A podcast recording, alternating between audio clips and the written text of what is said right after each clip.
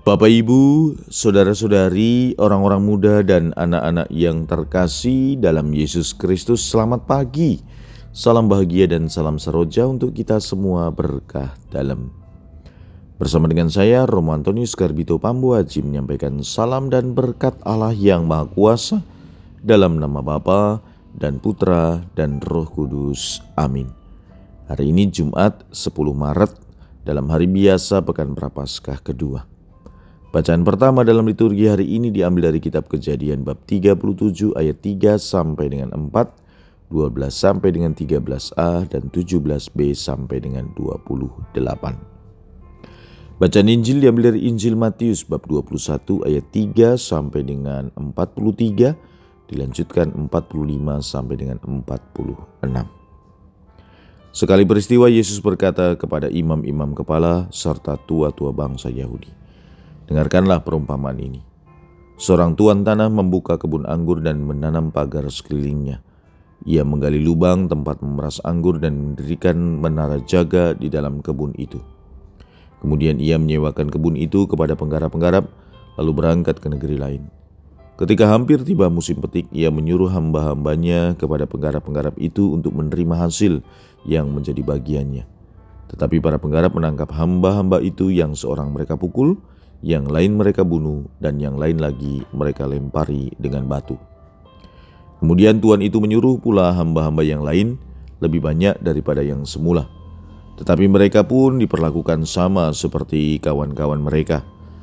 Akhirnya Tuhan itu menyuruh anaknya kepada mereka, pikirnya, anakku pasti mereka segani.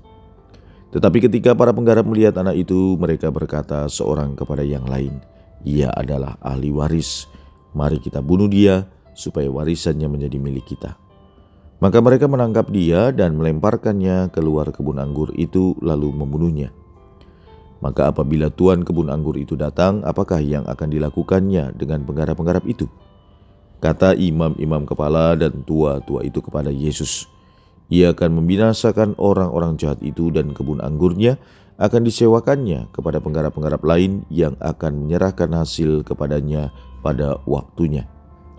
Kata Yesus kepada mereka, "Belum pernahkah kamu baca dalam kitab suci, batu yang dibuang oleh tukang-tukang bangunan telah menjadi batu penjuru?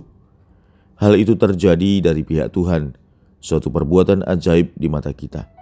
Sebab itu aku berkata kepadamu, kerajaan Allah akan diambil daripadamu dan akan diberikan kepada suatu bangsa yang akan menghasilkan buah kerajaan itu." Mendengar perumpamaan Yesus itu, imam-imam kepala dan orang-orang Farisi mengerti bahwa merekalah yang dimaksudkannya. Maka mereka berusaha menangkap dia, tetapi mereka takut kepada orang banyak, karena orang banyak itu menganggap Yesus nabi. Demikianlah sabda Tuhan. Terpujilah Kristus. Saudara-saudari yang terkasih dalam Yesus Kristus, pada hari Jumat pekan kedua Prapaskah ini, Yesus memberikan pengajaran melalui imam-imam kepala, melalui perumpamaan tentang penggarap-penggarap kebun anggur. Dalam konteks zaman kita saat ini, tentu pengajaran Yesus ini relevan dengan kita. Pengajaran Yesus ini meringkaskan sejarah kasih Allah dan sejarah kegagalan manusia dalam menanggapi uluran kasih Allah itu. Tuhan mengajarkan bahwa hidup ini dipercayakan kepada kita sepenuhnya untuk dipelihara dan dikembangkan, bukan untuk dimiliki dan dikuasai. Perlu kita sadari, kita ini hanya pekerja dan penggarap kebun anggur Tuhan, bukan pemilik. Dengan demikian, tak sedikit pun kita punya hak untuk menguasai kebun anggur Tuhan, apalagi berambisi untuk menjadi pemilik. Dengan mengerti dan memahami posisi kita sebagai penggarap dan pekerja kebun anggur, maka kita diharapkan menghasilkan buah dari apa yang kita garap atau kerjakan itu. Tuntutan dan tanggung jawab itu begitu serius, sehingga dalam perumpamaan diceritakan resiko atas kelalaian menghasilkan buah. Jika menjadi penggarap yang tidak berguna akan kehilangan hak untuk masuk dalam kerajaan sorga saudara-saudari, Apakah kita memiliki kecenderungan seperti imam-imam kepala dan orang-orang Farisi yang menggunakan segala cara demi memenuhi ambisi pribadi? Apakah kita juga memelihara tabiat serakah dan tak tahu bersyukur? Semoga masa penuh rahmat ini sungguh menjadi kesempatan bagi kita untuk dapat mengendalikan diri sekaligus menyadari diri siapa diri kita. Kita adalah pekerja, bukan pemilik. Yang diminta dari pemilik kebun anggur adalah kesetiaan dan menghasilkan buah.